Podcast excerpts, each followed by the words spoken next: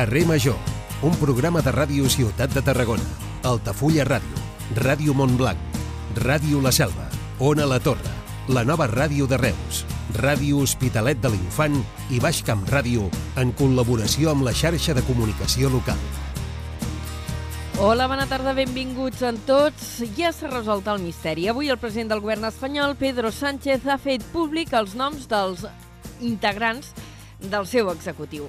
Estarà format per 22 ministeris, 12 dones, amb Nadia Calmiño, Yolanda Díaz i Teresa Rivera, que repetiran com a vicepresidentes d'Economia, Treball i Transició Ecològica, respectivament.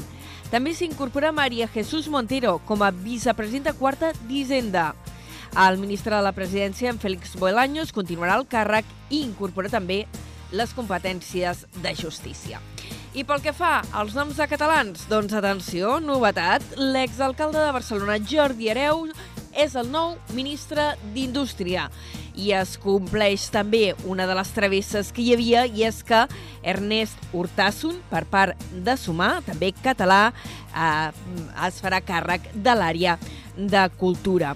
Una remodelació de l'executiu de Pedro Sánchez que suposa el relleu de nou ministres, mentre que 13 es mantindran a l'executiu d'Elx. Pedro Sánchez ha dit que es tracta d'un govern que prioritzarà l'estabilitat i el diàleg en una legislatura de perfil polític. Els nous membres de l'executiu espanyol prometran demà el càrrec davant del rei Felip VI i participaran ja al primer Consell de Ministres d'aquest eh, mandat. Com a dades curioses, Sánchez manté el perfil d'edat, la paritat i l'equilibri territorial en aquest nou executiu. S'ha dit, però, que Catalunya perd un ministeri i el País Valencià en té tres, mentre que Madrid torna a liderar la composició del govern espanyol amb cinc àrees de govern. Mentre aquí, mentrestant, aquí a Catalunya, avui, el govern català ha anunciat que impulsarà una xarxa lila de país per prevenir les violències masclistes. És una xarxa que està integrada per comerços, mercats, transports, espais veïnals, culturals i esportius. Aquesta estratègia de punts liles des d'on poder denunciar qualsevol situació d'agressió o assetjament forma part del primer Pla Nacional de Prevenció de les Violències Masclistes que s'ha presentat avui. Hi ha contemplades unes 200 accions amb un valor de 43 milions d'euros.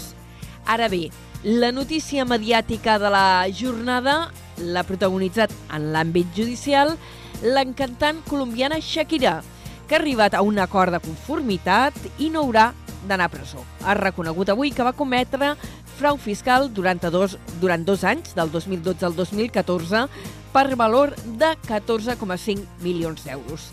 D'aquesta manera ha acceptat una pena de 3 anys de presó que no caldrà que compleixi i la substituirà per una multa 432.000 euros. S'ha de tenir en compte que al llarg d'aquests anys que han passat, mentre s'anava fent la instrucció del cas, ja ha tornat bona part dels diners que hauria defraudat. Això és carrer major de totes i, aquesta, i d'altres qüestions, com entre elles el Black Friday, en parlarem avui, que som dia 20 de novembre. Estem fent el programa 1162. Són vuit emissores del Camp de Tarragona treballant juntes i l'equip el conformem Lili Rodríguez, la Leixa Pérez, en David Fernández, la Gemma Bufies, la Cristina Artacho, l'Adrià Racasens, en Jonai González, en Pau, l'Antonio Mellado, Antoni Mateos, jo mateixa que sóc l'Anna Plaça i el Iago Moreno. Comencem.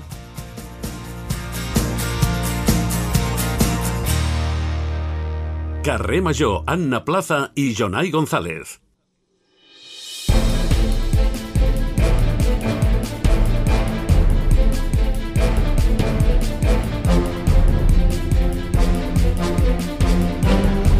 4 i 7 minuts, moment de repassar en forma de titulars les notícies més destacades del dia al Camp de Tarragona. Jonai González, bona tarda. Molt bona tarda. Els experts es mostren partidaris de fer servir hidrogen d'origen fòssil, denominat hidrogen blau, i no esperar a que el verd sigui competitiu. De fet, des d'Eurecat veuen molt difícil assolir l'objectiu de la Comissió Europea de la neutralitat climàtica l'any 2050. L'Associació d'Apartaments Turístics de la Costa Daurada i les Terres de l'Ebre adverteix que el nou decret que recula el sector tindrà efectes col·laterals contraproduents. Un dels principals efectes és la desinversió i l'envelliment del parc de pisos turístics. Els reptes de futur dels mercats municipals es debaten avui dilluns en el qual Congrés del sector que té lloc a Tarragona. Entre aquests hi ha la transformació digital i també el relleu generacional. Drets Socials ha ratificat el tancament de la residència de la gent gran de Reus després de rebre l'informe tècnic. Els sindicats critiquen que el document només reculli les mancances de l'immoble sense evidenciar un risc imminent. A Tarragona, Esquerra Republicana anuncia que s'abstindrà en la votació dels pressupostos municipals de l'any vinent. El govern municipal només hauria rebutjat dos punts de la proposta del grup municipal republicà. La votació podria fer-se dimecres o dijous de la propera setmana. Un dels magatzems de la tabacalera podria ser seu del grau de Ciències de l'Activitat Física i l'Esport a la ciutat de Tarragona. El conseller d'Educació i Esport, Berni Álvarez, ha passat avui pels micròfons de Ràdio Ciutat, on ha explicat que el consistori i la URB treballen per portar aquest grau a la ciutat. I un servei que s'ha estrenat avui a Reus es tracta de les, del centre que hi ha al Mas Tutusaus de Reus. El nou equipament està destinat a famílies amb infants amb vulnerabilitat. Repassarem resultats esportius, començant pel Nàstic Campata a 1 a l'estàdium Gal d'Irun, encaixant un gol al minut 88 després de collar un bon partit. I en bàsquet, el Salou segueix de dolç amb una nova victòria, mentre que el CBT ha tornat al camí de la derrota. Doncs, Jonai, aquestes i altres notícies les repassarem d'aquí una estona, d'aquí una mitja hora aproximadament a l'informatiu d'aquesta primera hora de carrer Major. Fins ara. Fins ara.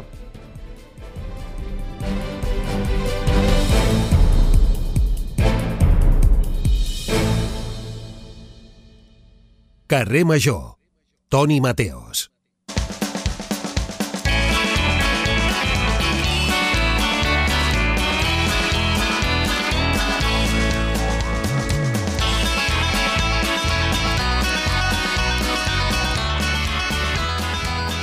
Antonio, bona tarda. Bona tarda, Anna, com estàs? Bé, i tu? Després Jo del paga- cap de setmana. Fantàstic, pagant impostos. Què? Sí, com la Shakira, no? Sí, sí, sí. Jo, jo, jo sí que pago, eh? Jo Sabia sí que, que, la pago. notícia... I, i jo també, ves, mira. I ai que no paguis. S'ha de Ah, dir, no, no. però que ha tornat quartos, eh, ja la Shakira, perquè he Sí. vist allò tuits de ai, mira, i ara només paga això i ja està. No, no, però ha estat, No, no, no. no. ha estat pagant quartos, eh, aquests anys. Me sembla que ha tornat gairebé els 14 milions que va defraudar. O sigui que Doncs han estat mira. tornant quartos i ara li ha sortit la broma doncs, per 100 milions més. Que Doncs, Déu-n'hi-do. bueno. Sí, Ai, sí, ja. una, una pasta gansa. Però mira, s'ha estalviat anar a la presó, eh? Eh, 8 anys li demanaven. Vuit anys. 8 Tela. anys. Tela. Tela. Tu t'imagines allà la Shakira a la presó cantant Les mujeres facturen? Les mujeres facturen... Clar, Les però és que ja si no facturen, facturen. però és que si facturen han de pagar IVA, xato. Vull dir, un 21% d'IVA, no? Déu-n'hi-do, Déu-n'hi-do. Ai, mare meva. Què? Què fareu a la segona hora? Doncs mira, parlarem de música, per començar. Home! Ho farem amb el guanyador del Sona Nou, Ai, és veritat que ho vau dir. Duran. Sí, sí, sí. sí, Molt bé. Anirà als estudis de Ràdio Ciutat de Tarragona. També Per parlarem cert, que- amb... Digues, que aquest cap de setmana participava a la final de... O no sé si era aquesta setmana, o ara, ara no n'estic segura, eh? La Del final de portautors. Port Sí. Doncs, Era aquest cap de ha- setmana ja? Ara tinc el Ha dubte. guanyat. Ha guanyat, també. Sí. Vinga, va, ho ha guanyat tot. Vinga, tira. Aquest noi és un crac, un crac. Després vindrem a la Maribel Martínez, la nostra veterinària, que parlarem sobre l'artrosis i l'artritis en les mascotes i com prevenir-la. Pobrets, que els, Pobrets. els animalets fan també anys i tot això, i mira, estarem atents al que ens expliqui la Maribel. Al Mellado i un servidor, als Tonis, us parlarem de les dones ministres del darrer govern, Home, de bé. l'actual govern, i també parlarem del vot femení a l'estat espanyol, qui va promoure el vot femení, que va ser la Clara Pam- Campoamor, i des de quan està Molt funcionant bé. el vot femení. Que també recordem que avui fa anys que va morir un senyor que el va Sí? prohibir. Sí, quan he, quan he dit la... Mira, sóc així de, de limitadeta, però fins que no he llegit la data del programa, no he 48 caigut. anys que va morir en el llit, eh? Estava morint... Ca- Va morir al 48 llit, eh? anys. Sí, 48 sí, sí. anys morint al llit. Quines coses. Quines Jo coses. encara no havia nascut, eh? Faltava poc, però encara no havia nascut. I mira, uh, estava el senyor pues, allà prohibint uh, a les dones prohibint votar. coses. Sí, sí. Ah, s- ah, per cert, jo pensava que parlaríeu de Jordi Hereu ball, ballant Carlinhos Brown, Brown No, dalt d'un no, no, no, autobús. no, no, no ens ha donat temps a tant, no ens ha donat temps, però mereix... Lo del Jordi Hereu mereix un, un tonis a part, eh? Sí, Aquelles- jo crec que aquella- ja l'esteu preparant, escena. no? M'he quedat com a Sí. molt xocada quan l'he sentit perquè he pensat, "Eh, però aquest senyor no estava retirat ja de la política i he tingut A, a així veure, com un moment de, a, en els tonis... de xoc. En els tonis anteriors, fa moltes temporades, van parlar de, de polítics ballant i coses d'aquestes, Sí. i bon, com no va sortir Jordi Hereu, eh, che, che, che, che, che, che, per Però més enllà d'aquesta imatge que pot ser graciosa, és que em sembla recordar que va protagonitzar algunes relliscades d'aquelles memorables. Sí, No que sí? Del me... No que sí que n'havia tingut algunes d'aquelles relliscades que dius, ai, bon ho, home, però... ara m'has fet, pic... ara fet picar la curiositat i ho buscarem, ho buscarem. Doncs va, ja t'he donat una idea. Banda sonora del camp i anirem amb la furgoneta a parlar amb un mestre artesà alimentari reconegut per la Generalitat de Catalunya com és en Xavier Pàmies del From Cisteré de Reus. Parlarem amb ell en directe. Parlareu de pavó? Saps el que Sí, costa amb, amb, trobar el, pa, un pavó? amb, amb, amb el Cisteré, amb el Xavi, sempre, sempre es parla de pavó. Sempre. Ai, per favor, és, és una de les grans prenes de la meva vida, eh? que jo vaig tastar pans. N'hi ha un d'aquí a Torredembarra que el trobo... Boníssim. Sí, no arriba a ser ideal, però molt bo. Però és que, és, mira que vaig provant pans de llocs i costa, eh? Pues mira, escolta a veure què et diu el Xavi, perquè ara està reconegut, com hem dit, mestre artesà alimentari per la Generalitat. Alerta amb doncs això. molt bé, que és poca cosa. Poca cosa. Tot això a la segona hora, a partir de les 5 de la tarda, amb Toni Mateus, Aleix Pérez i companyia. Sí, senyora. Fins després, company. Fins després, Anna. Adiós. Cada tarda de dilluns a divendres fem parada a Carrer Major.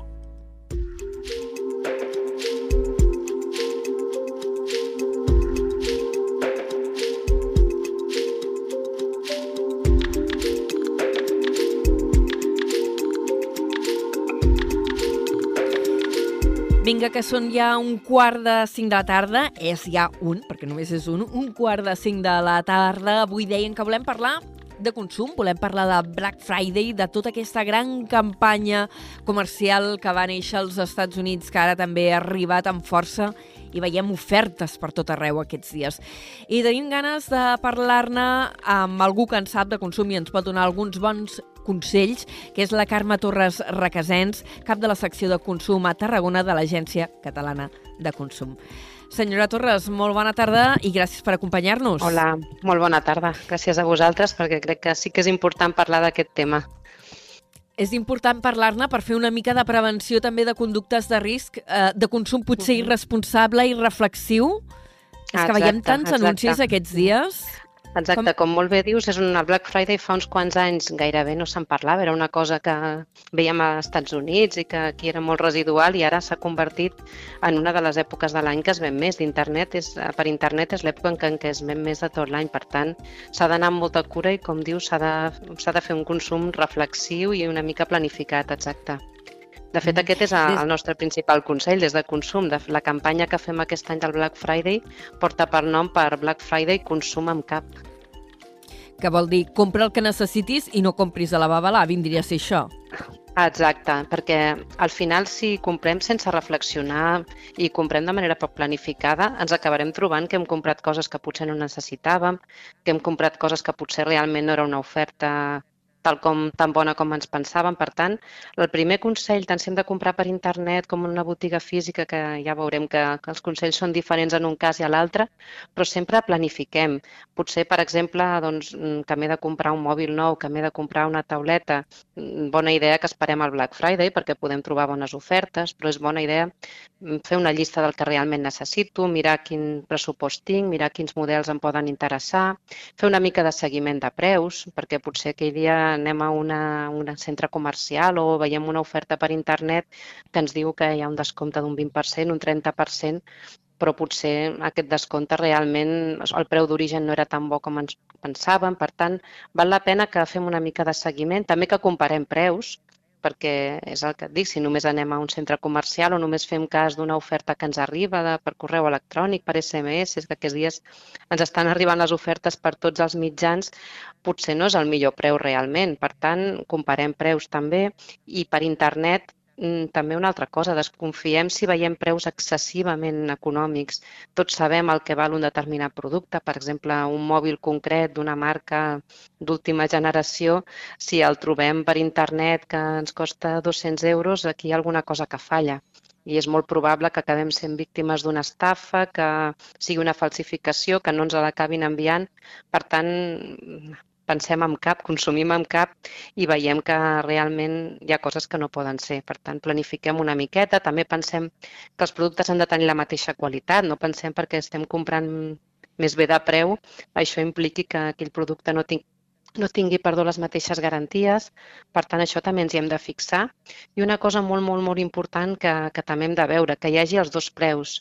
El preu abans de la rebaixa i el preu rebaixat, o si no ens posen el preu rebaixat i ens fiquen el percentatge, també ens serveix. Per exemple, si una cosa valia 20 euros, tant ens poden ficar el nou preu amb la rebaixa com que té un 20% de descompte, un 15, el que sigui. És important que hi hagi aquest doble preu i també és molt important que pensem que aquest preu rebaixat ha de ser el més econòmic que ha tingut en aquell establiment en els darrers 30 dies que això és una cosa que cada any està creant molta polèmica, que ens diuen que si pugen els preus abans del, del Black Friday, pensem que en els 30 dies anteriors en aquell establiment, aquell producte no pot haver tingut un preu més baix que aquest que ens estan ara publicitant. Però això, això és complicat és... per al consumidor, no?, per poder fer aquest seguiment, perquè, a veure, sí, sí que sí, si et posen el, el, el preu teòricament original i veus al costat el del descompte, dius, vinga ja, però com pots saber a quan ho venia fa 15 dies? No, no, que és molt que hi has d'anar cada dia. Per aquest motiu, eh, cada any des de l'Agència Catalana del Consum i també des de la Direcció General de Comerç es fa una campanya ja mitjançant unes aplicacions concretes que hi ha, que també n'hi ha a disposició dels consumidors, però a consum se'n fan servir unes de més professionals. S'està fent una campanya en aquests darrers anys per comprovar que realment el preu aquest que se'ns està dient es compleix això de que és el més econòmic que ha tingut aquell producte en els darrers 30 dies en aquell establiment. De fet, l'any passat, per exemple, es van detectar força incompliments en aquest sentit i, per exemple, en el cas de l'Agència Catalana del Consum, ara mateix hi ha en marxa nou procediments sancionadors a diverses empreses de tot Catalunya que encara s'estan tramitant i que poden acabar amb sancions de fins a 500.000 euros per no haver complert eh, la normativa pel que fa això dels preus, com dius, pel consumidor. Això és molt difícil. Només en el cas d'una persona que tingui molt clar que vol comprar un determinat producte i que ha anat mirant el preu en diversos moments mitjançant la web o anant a l'establiment, en aquest cas sí que ho podia detectar un particular, però si no és complicat, és complicat. Si en tot cas, si algú detecta, doncs eh, sens dubte que ho denunciï davant de l'Agència Catalana del Consum i s'investigarà si realment és així. Aquest, eh, ara parlava, parlava de nou expedients de sancionadors a, a tot Catalunya per, presumptes o suposades irregularitats a l'hora d'establir aquests preus, aquests descomptes. Clar, percentualment entenc que és molt... No sé si és que és molt poquet eh, perquè no se'n detecta més o és molt poquet perquè la picaresca és poca. Clar, és impossible controlar tots els productes que hi ha actualment en el mercat, perquè només anant a un sol establiment, imaginem-nos, els, estem parlant de, de centres comercials, per exemple, o d'establiments especialitzats, la gran quantitat de productes que hi ha. Per tant, és molt complicat monitoritzar-los tots, hem volgut fer una mostra representativa. A més d'aquests expedients que hi ha a l'Agència Catalana del Consum, també per la banda de comerç se n'estan tramitant d'altres, de processos sancionadors, i per tant això també té una idea de que exemplaritzant, per dir-ho d'alguna manera, que vegin les botigues de que no, això no queda impune, que s'està controlant cada any i que eh, si ells ho estan fent, doncs fàcilment es pot detectar. A més, els consumidors sí que estan cada vegada més informats, per tant, sí que jo crec que també cada vegada els és més fàcil poder detectar si hi ha alguna cosa molt evident amb tot aquest tema. Fins i tot avui mm, estava mirant una oferta d'una botiga de roba que m'ha arribat del Black Friday en què ells mateixos havien ficat a preu rebaixat Black Friday tant, a preu mínim que ha tingut aquest producte en els darrers 30 dies tant. Per tant, aquesta pedagogia crec que també va bé tant pels consumidors com pels propis establiments. Que, que ara em diu una, una, marca, una botiga de roba, no? Perquè també el Black Friday, que potser inicialment es va eh, iniciar més en el sector tecnològic, de petit electrodomèstic, etc etc, s'ha anat estenent en tots els àmbits del comerç. A tot arreu, exacte. L'any passat, fins i tot aquí a nivell local, es veien perruqueries, es veien tot tipus de botigues, eh, alimentació. Per tant, jo crec que clar, és una oportunitat de fer ara una campanya publicitària, de fer compres abans de Nadal. També es, es fan moltes compres per internet, que amb això s'ha d'anar molt en compte també amb les compres per internet, vigilar on comprem, vigilar quines webs, com podem trobar si una web és segura, no ho és mm, tots els sectors, ja et dic, tant presencials com de compra per internet, ara mateix jo crec que estan fent, estan aprofitant per fer, per fer descomptes pel Black Friday. Ara que deia això de les webs segures, què hem de tenir en compte eh, a l'hora de fer alguna compra per internet per mm, saber que ja no tant que ens han cat per llibre, però que estem en un lloc web segur i que les nostres dades seran ben utilitzades i no tindrem cap ensurt? Sí, tant. Um, el primer consell en general és que fem cas una mica de, del boca a orella i de les experiències pròpies que haguem tingut nosaltres. Uh, comerços mm, coneguts on ja que hem comprat abans nosaltres, preguntem a familiars, preguntem a amics, uh, fer una simple cerca per internet a vegades va bé. Als organismes de consum ens trobem a vegades denúncies, reclamacions que ens arriben de persones que han comprat en webs que només que haguessin posat al Google sense fer una cerca massa exhaustiva el nom d'aquella web ja li sortirien un munt de ressenyes negatives de persones que no havien rebut cap producte dient que era una estafa. Per tant, una mínima recerca de preguntem, busquem per internet, eh, llocs que, que ja sapiguem que tenen una bona referència. I també també una mínima comprovació. Un cop ja haguem entrat a la web, a vegades entrem en unes determinades pàgines web que veiem que hi ha una part que està escrita en anglès, una part que està en castellà, que hi ha moltíssimes faltes d'ortografia. Això també ens ha de fer sospitar que aquí probablement algú ha fet una traducció i que pot ser una pàgina mm, poc que fiable. no sigui de la Unió Europea, exacte, poc fiable. Una mínima, és, no, sempre hi podem trobar faltes d'ortografia, però hi ha una cosa exagerada, una cosa que veus que no està feta amb cura i ens ha de fer sospitar. També que hi hagi les dades de contacte del venedor, a l'adreça física d'on es troba aquesta empresa. Tot això, a més a més de que ens dona seguretat, també si mai hi ha cap problema i hem de fer una reclamació, sabem que hi ha algú allà darrere que respon. Uh, també que hi hagi totes les condicions clares, quin és el cost de l'enviament, um, uh, què passa, on he, on he de retornar el producte si no m'agrada, que, que pensem que les compres que fem per internet, um, en general, i algunes excepcions, tenim 14 dies per retornar si allò no és el que ens imaginàvem, no ens agrada, hem fet un regal i no, no és el que aquella persona volia, tenim aquests dies. Tot això ha d'estar molt ben especificat a la pàgina web. També, si un cop tot... tenim l'adreça, per exemple, aquell HTTPS eh, que ens indica que és una web segura, totes aquestes coses eh, ens poden dir que anem ben encaminats a l'hora de comprar, si és tot. I si tenim algun ensurt, podem recórrer a l'Agència Catalana de Consum, que també teniu uh mhm. -huh. oficines territorials. A Tarragona, si no m'equivoco, esteu just avant o molt a prop de l'estació de trens, oi? Ah, exacte. Aquí a Tarragona estem al carrer Pompeu Fabra número 1, que està davant mateix de, de l'estació de tren. Uh, si no, a la pàgina web consum.cat uh, podeu trobar fiqueu al vostre municipi on viviu i podeu trobar les dades de l'oficina de consum més propera, que pot ser una oficina municipal, una oficina comarcal o bé les oficines de, de l'Agència Catalana del Consum.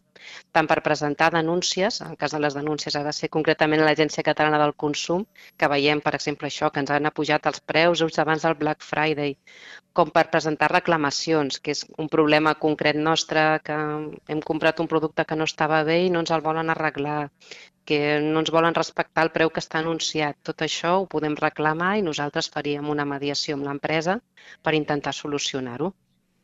Uh -huh. De tant en tant presenteu dades i em sembla que les companyies telefòniques i també les de subministraments tipus electricitat, gas, etc són les que s'enduen la palma a l'hora de, de reclamacions presentades, així en línies generals.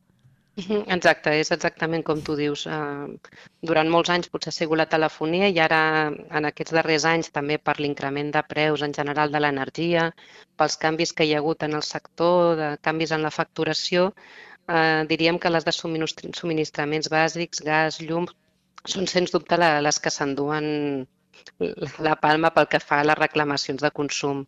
sí, sí, és exactament com dius i és normal perquè, a més a més, són, s'han incrementat molt els preus, hi ha hagut molts problemes de facturació i això fa que, que s'hagin augmentat les reclamacions.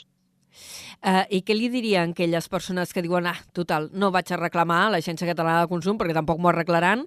Uh, realment hi ha resolució de, dels conflictes o les queixes que presenta la gent?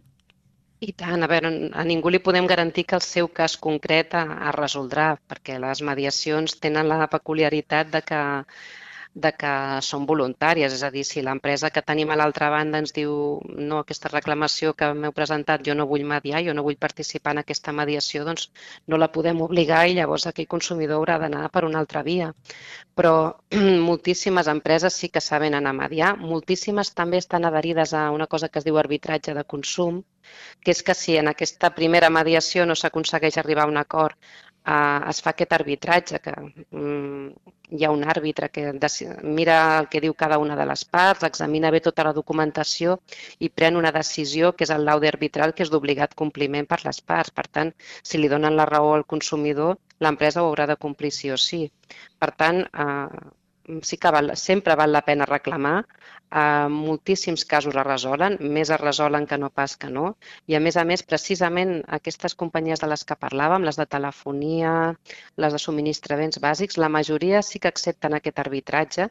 Per tant, tenim la garantia de que primer s'intentarà fer aquesta mediació i que, si no, després hi ha aquesta altra via que s'acabarà resolent, que hi haurà una persona especialitzada que es mirarà bé el nostre cas i que prendrà una decisió que serà obligatòria d'obligatori compliment per l'empresa i també pel consumidor, en cas que no vagi al seu favor, és clar.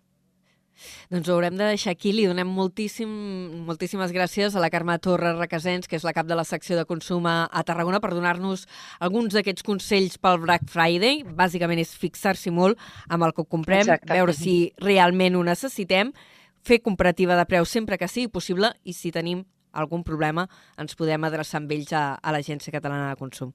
Moltes gràcies Exactament. i bona tarda. Moltes gràcies a vosaltres. Bona tarda. Fins la propera. Adéu-siau. Adéu.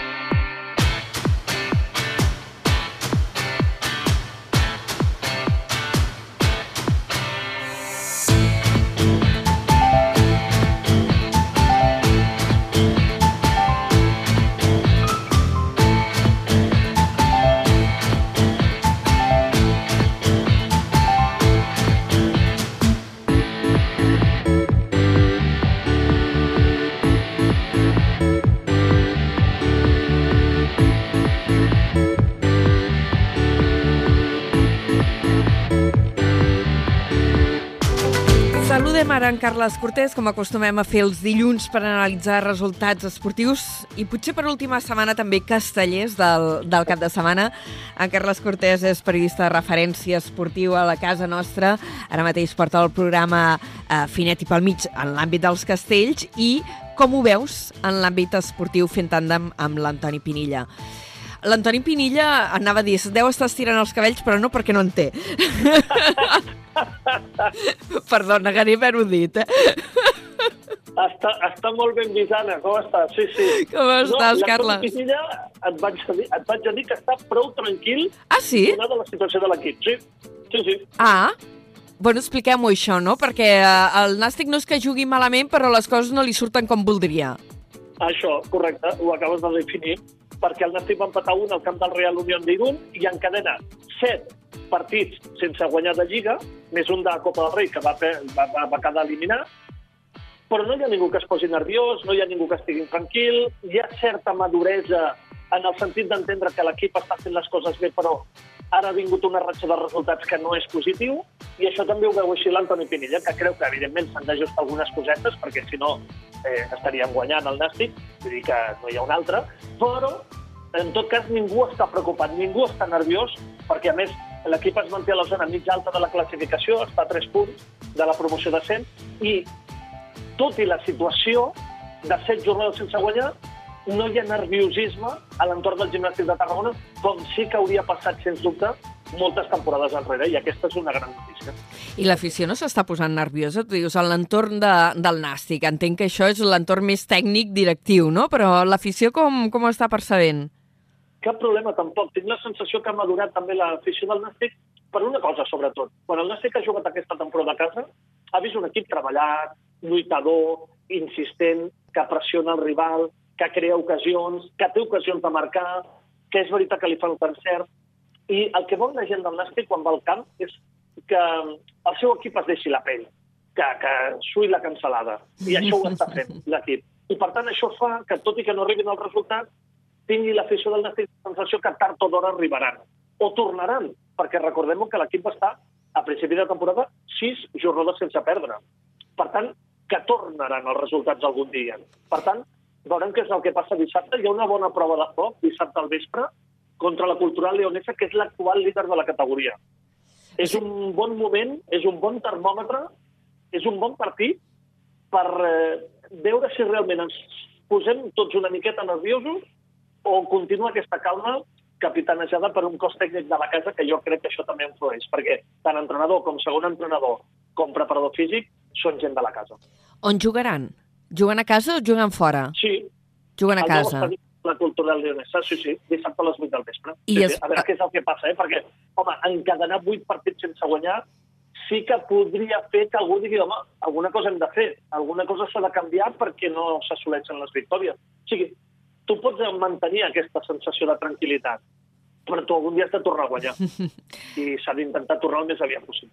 Es preveu complicat, però, aquest, eh, aquest partit. Dius que eh, s'enfronten amb la Cultural Leonesa, que és el primer de la classificació, però no sé si està en aquell lloc una mica de rebot o realment perquè estan fent molt bon joc. No, no, és, és un equip difícil i, a més, amb uns números complicats. O sigui, és un d'aquells equips que no encaixa gols. Si un para mirar la classificació de la categoria veurà que la Leonesa sí és primera a la classificació, però sobretot destaca per una xifra, que només ha rebut 6 gols en 13 partits. Això vol dir que rep un gol cada dos partits. Mare meva. Això vol dir que és un equip difícil de marcar-li. En fa pocs, eh, també, perquè només n'ha fet 11, en fa pocs, però, però és un equip molt difícil de marcar-li. Vull dir que si està allà és per mèrits propis. D'acord. Hem parlat del Nàstic, els altres equips de futbol del territori, com els hi ha anat el cap de setmana? Doncs eh, més aviat malament, tot i que hi ha una excepció, perquè el Reus va tornar a guanyar, el Reus és el millor equip classificat a la tercera federació d'Alta Casa Nostra, va guanyar 1-0 al Mollerussa, està tercer en zona de promoció descens, i va perdre la Pobla de Mafumet 2-0 al camp del Paralada, i l'Olot va guanyar 1-2 al camp del Rapitenca. La Pobla és vuitena, a la zona mitja alta, tocada la promoció, la Rapitenca continua cuera a la categoria. Per tant, una victòria, dues derrotes en aquesta tercera federació. Est estic per fer-me una pancarta de Salvem la Rapitenca, eh, pobrets. Per segon any consecutiu, Anna, perquè és que l'any passat va ser agònica, agònica la permanència de la Rapitenca. Durant tota la temporada va estar baix, eh, a la part de descens, i va fer un tram final de temporada extraordinari que el va salvar del descens. Però tinc la sensació que enguany torna una altra vegada a passar el mateix, és allò d'ensopegar amb la mateixa pedra. D'anar a patir. Escolta, Sí. els que estan patint també són la gent del CBT. Què passa aquí? Molt, molt, molt. La veritat és que aquest és inici de temporada duríssima a la LED Plata. El Club Bàsquet Tarragona estrena categoria, va tornar a la LED Plata, en aquesta tercera categoria del bàsquetbol, la temporada passada després d'aconseguir l'ascens i la veritat és que l'inici de temporada és duríssim. Dissabte va perdre a casa novament, 74-87 contra el Mataró, un equip que també havia començat amb certs dubtes la temporada i la veritat és que una victòria i set derrotes, que és el bagatge en vuit jornades, eh, ens fa preveure que l'equip eh, haurà de treballar moltíssim per aconseguir la permanència. Queda molt, això és molt llarg, és evident, però quan comences d'aquesta manera, la sensació és que tota la temporada estaràs allà baix i que, i que patiràs fins i tot per aconseguir la permanència a la categoria. Veurem què és el que passa, veurem si hi ha algun gir important o no, però de moment patir una altra derrota a casa, a diferència del Salou, Mm. que la veritat és que està molt bé en aquest inici de Lliga. A més, va guanyar fora de casa, la pista del Palma, és cinquè a la classificació, cinc victòries, tres derrotes, mira per amunt, està entre els millors de la categoria, vull dir que són situacions absolutament antagòniques, contraposades, la del Club Bàsquet Tarragona i la del Club Bàsquet Salou en aquesta Le Plata, i, i el que també continua prou bé a la, a la Lliga EVA, que és una categoria per sota, és el Valls que va guanyar a casa, sent a 77 davant del quart i també està a la zona alta de la classificació. I què passa amb el CBT? Perquè era un dels equips forts eh, en bàsquet del territori, era l'equip no? de referència, i ara el trobem en aquesta situació. És, és un problema de la plantilla? És un, mm, quina, quina sensació tens? La meva sensació és que és una plantilla molt joveneta, que s'ha d'acabar d'unir, s'ha de treballar. Segurament, si entréssim en qüestions tècniques, podríem dir que és un equip on li falta algun jugador interior, d'aquests que estiguin sota l'anella, que faci punts sota l'anella, que agafi rebot sota l'anella. Això és l'anàlisi més tècnic. I després una altra novetat important aquesta temporada és el canvi d'entrenador.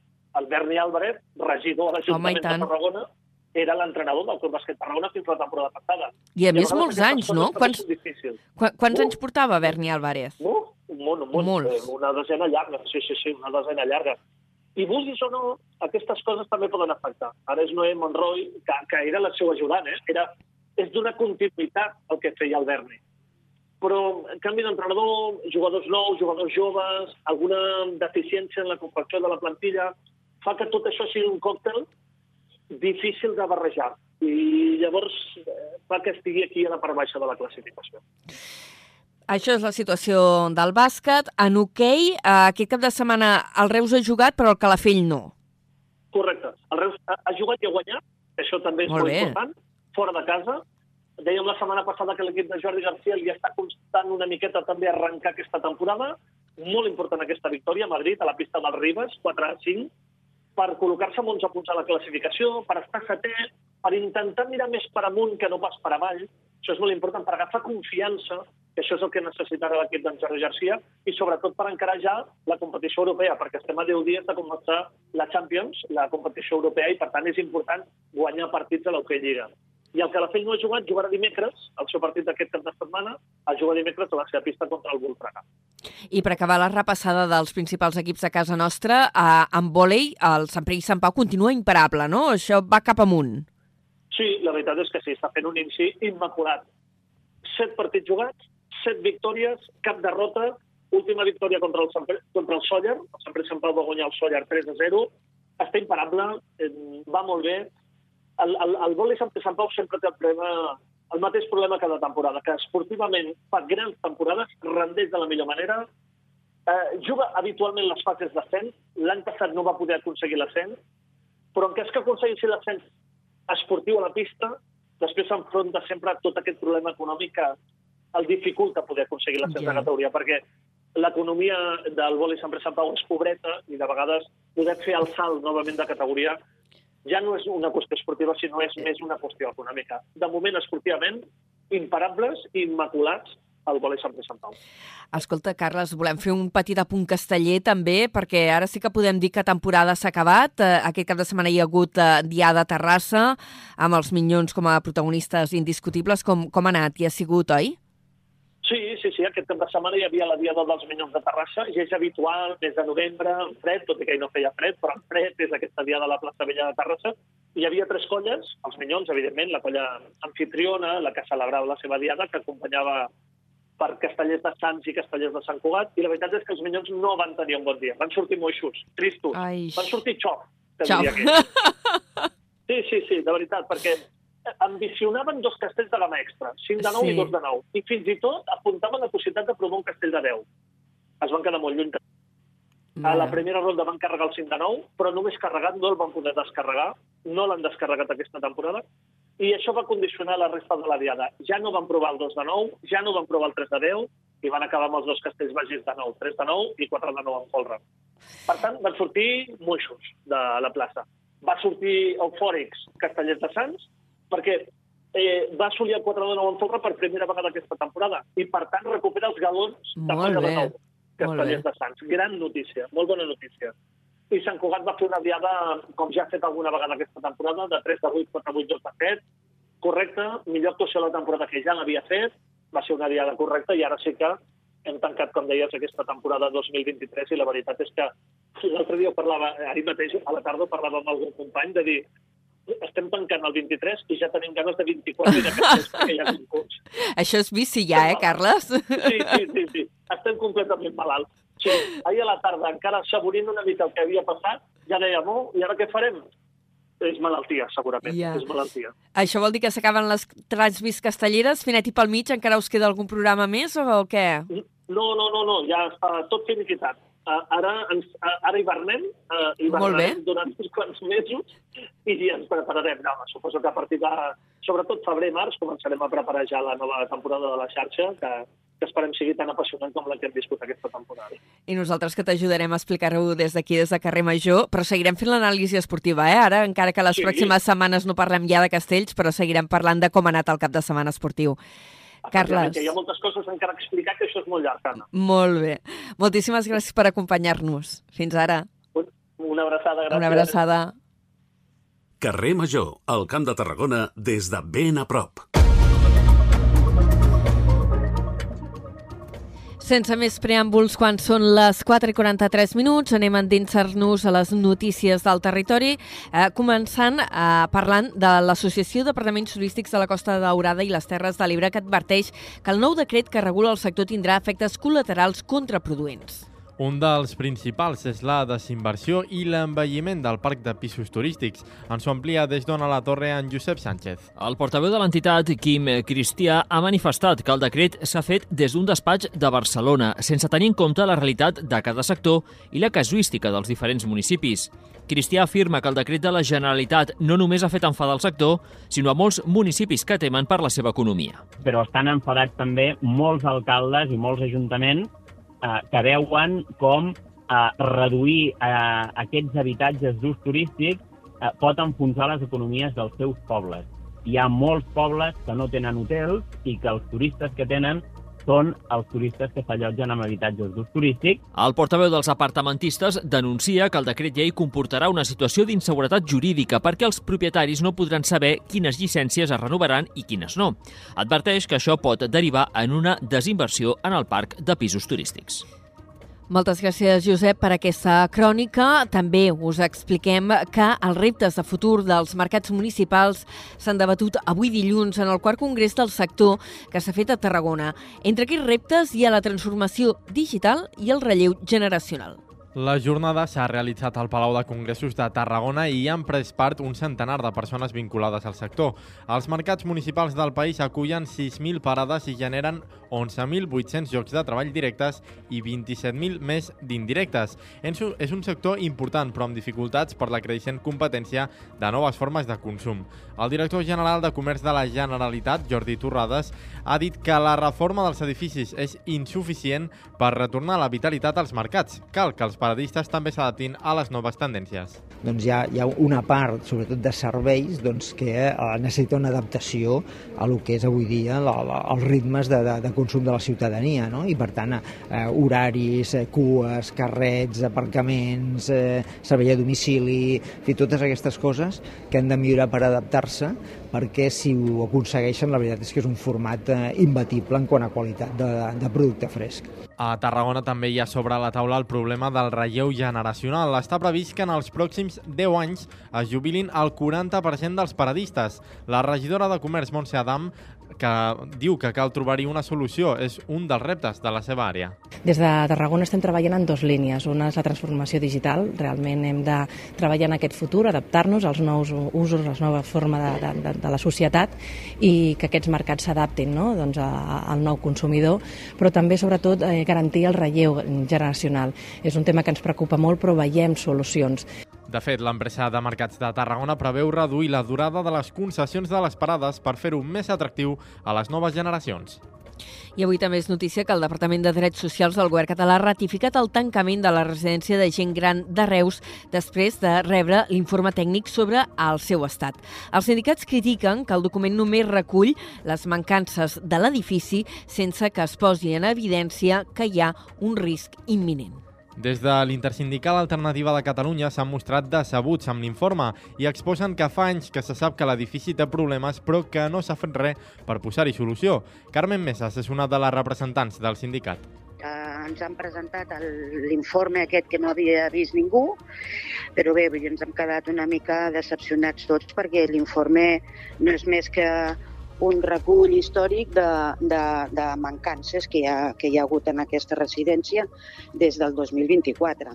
Llavors, bé, dir, no, no, és un informe tècnic una miqueta així d'anar per casa, perquè primer que ells mateixos demostren que des del 2024 ja hi havia notificacions de que s'havien de fer reformes en, aquest, en aquesta residència. Paral·lelament al cas de Reus, l'Ajuntament de les Borges del Camp també està buscant una solució per no perdre la residència d'avis del municipi. Segons s'ha informat l'alcalde Joaquim Calatayud, la residència Mare de Déu de la Riera es troba en un estat complicat i necessita una inversió milionària per adequar l'equipament a la nova normativa. Calatayud ha assegurat que les reformes ascendeixen a 2 milions d'euros i que el consistori no pot assumir-ho. Passen 3 minuts, gairebé 4 de 3 quarts de 5 de la tarda. Ens endinsem en crònica estrictament local per parlar de les negociacions dels pressupostos municipals de Tarragona. Esquerra Republicana ja ha anunciat que s'abstindrà en la votació.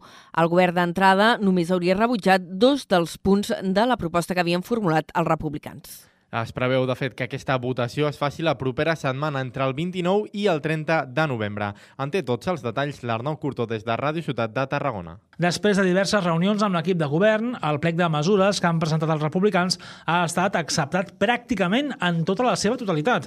Una proposta valorada en 4.200.000 euros. Els dos punts que haurien estat rebutjats pels socialistes estan relacionats amb la creació dels carrils bici de l'Avinguda Andorra i Prat de la Riba, que segons Esquerra tenen un cost zero. El conseller republicà Xavier Puig ha anunciat el vot assegurant que amb aquesta abstenció l'aprovació del pressupost estaria assegurada. Nosaltres al pressupost el que farem és abstenir-nos. Amb l'abstenció eh, permetem l'aprovació del pressupost perquè totes aquestes inversions que estem dient aquí són molt potents. Si ens haguessin dit que sí allò, el vot seria afirmatiu ja tenen el, el, el, el pressupost, amb una altra abstenció ja, ja el tenen, i per tant, i si volen millorar la nota ja saben el que els toca. Entre les propostes acceptades per l'equip de govern hi ha una partida per la creació de cinc centres cívics en diversos punts de la ciutat, millores en la via pública, com el projecte de creació de l'eix prim Unió Podaca i la primera fase de la urbanització del vial del polígon francolí. També una partida destinada a l'àmbit social, amb la compra d'habitatges per a ús social o un pla d'accessibilitat, així com equipaments, com per exemple la rehabilitació del local dels Xiquets de Tarragona a la seu de l'ICAC i una inversió en centres educatius i en locals d'associacions de veïns. Des d'Esquerra, però, no es tanca la porta a continuar negociant, però si res canvia, el vot republicà en l'aprovació dels pressupostos 2024 4 serà abstenció.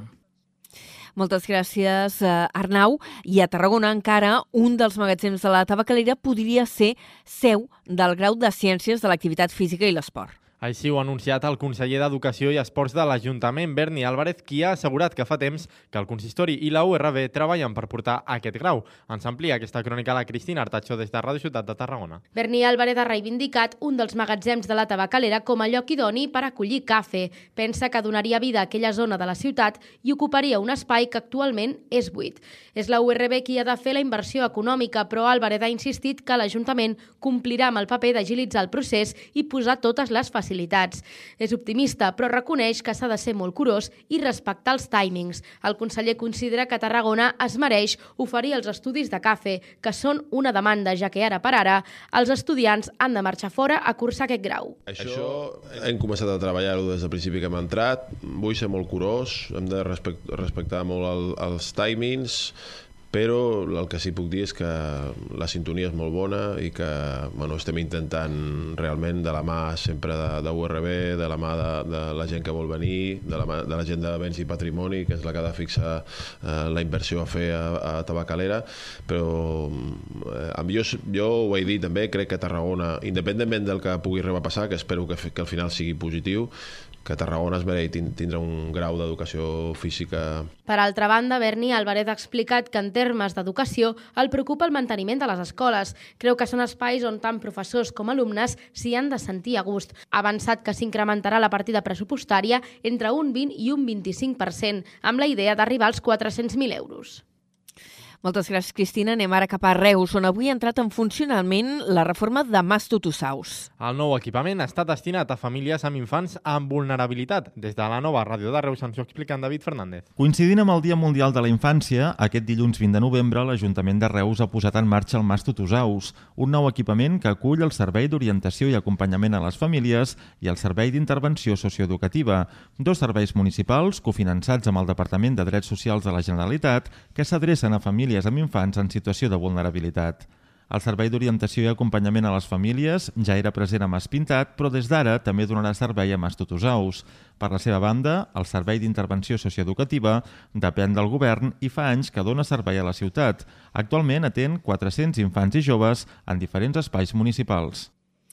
I un altre servei que s'ha inaugurat avui oficialment és el nou Arxiu Municipal d'Altafulla, que millora l'organització del fons i l'accés a aquest. A finals d'any es rebrà una subvenció per continuar digitalitzant documents d'ús habitual, penjar-los en línia i evitar la seva degradació. Des d'Altafulla Ràdio ens ho amplia la Carol Cubota. L'entorn de les antigues escoles Teresa Manero ja té un nou equipament obert a la ciutadania. És l'Arxiu Municipal d'Altafulla, que atresora el fons històric i la documentació de caràcter urbanístic de la vila. A més, es compta amb una sala de consulta d'accés lliure i sense necessitat de reserva prèvia, els dilluns i els dimecres de 9 a 2. Des de l'Arxiu Històric de Tarragona i Comarcal del Tarragonès, el seu director, Ricard Ibarra, assenyala la importància que una població que ha crescut tant com Altafulla en els últims anys hagi posat ordre al seu fons i compti amb aquestes noves instal·lacions. Doncs jo feia molts anys ja que anava reclamant eh, que disposessin d'un servei d'arxiu com Déu mana, no? I sempre havia trobat una bona receptivitat, però sense massa resultats, no? Però d'uns anys cap aquí, doncs bé, hi ha hagut resultats i avui estem davant d'un important, no? I de fet ja fa uns anys que doncs, s'han dotat d'una plantilla i que van treballant en la bona direcció. En el marc de la inauguració del nou equipament públic s'ha anunciat també l'arribada d'una subvenció que permetrà continuar la digitalització de part del fons per fer-la més accessible i no malmetre així els documents originals a causa de la seva manipulació física. Uh, parlem de dos projectes socials breument. D'una banda, el programa de masoveria urbana de Tarragona que pretén augmentar el parc d'habitatge públic a la ciutat. Es facilitarà l'accés a habitatge a col·lectius amb, amb ingressos baixos a través de la sortida del mercat de lloguer d'habitatge sense rehabilitar. En aquest nou pla, el llogater pagarà part o la totalitat de la renda mitjançant la realització d'arranjaments a l'habitatge. Aquesta rebaixa de renda serà proporcional al cost de les obres realitzades i es repartirà d'acord amb la durada de contractar i la capacitat econòmica del llogater. I a Reus eh, s'ha presentat la iniciativa Prototips, un laboratori per impulsar la participació dels joves en projectes de ciutats. La proposta està adreçada a alumnes de segon i tercer ESO i girarà al voltant de la sostenibilitat, el gènere i el feminisme. Durant aquest novembre, l'alumnat respondrà una enquesta per tal de conèixer quin és el repte que genera més interès entre ells. La proposta, que s'emmarca dins el Pla Local de Joventut del Consistori, implementarà el millor projecte que surti del laboratori i la voluntat és que la iniciativa es faci cada curs escolar.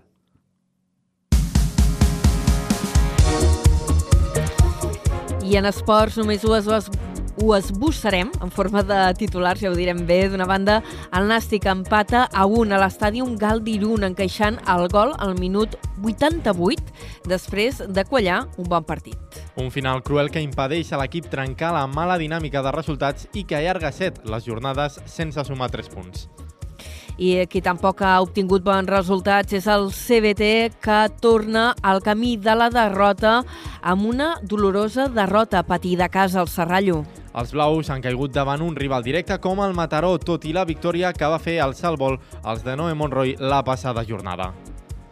I si teniu ganes de córrer, participar en la cursa de Sant Silvestre de Tarragona, tingueu en compte que enguany el rosal, els dorsals es repartiran, es podran adquirir de nou amb el punt de recollida que s'ha habilitat al Mercat Central. Aquesta edició permetrà la inscripció de fins a 2.100 corredors i corredores i es farà un recorregut urbà de 6 quilòmetres i mig. I així tanquem la primera hora. Adéu.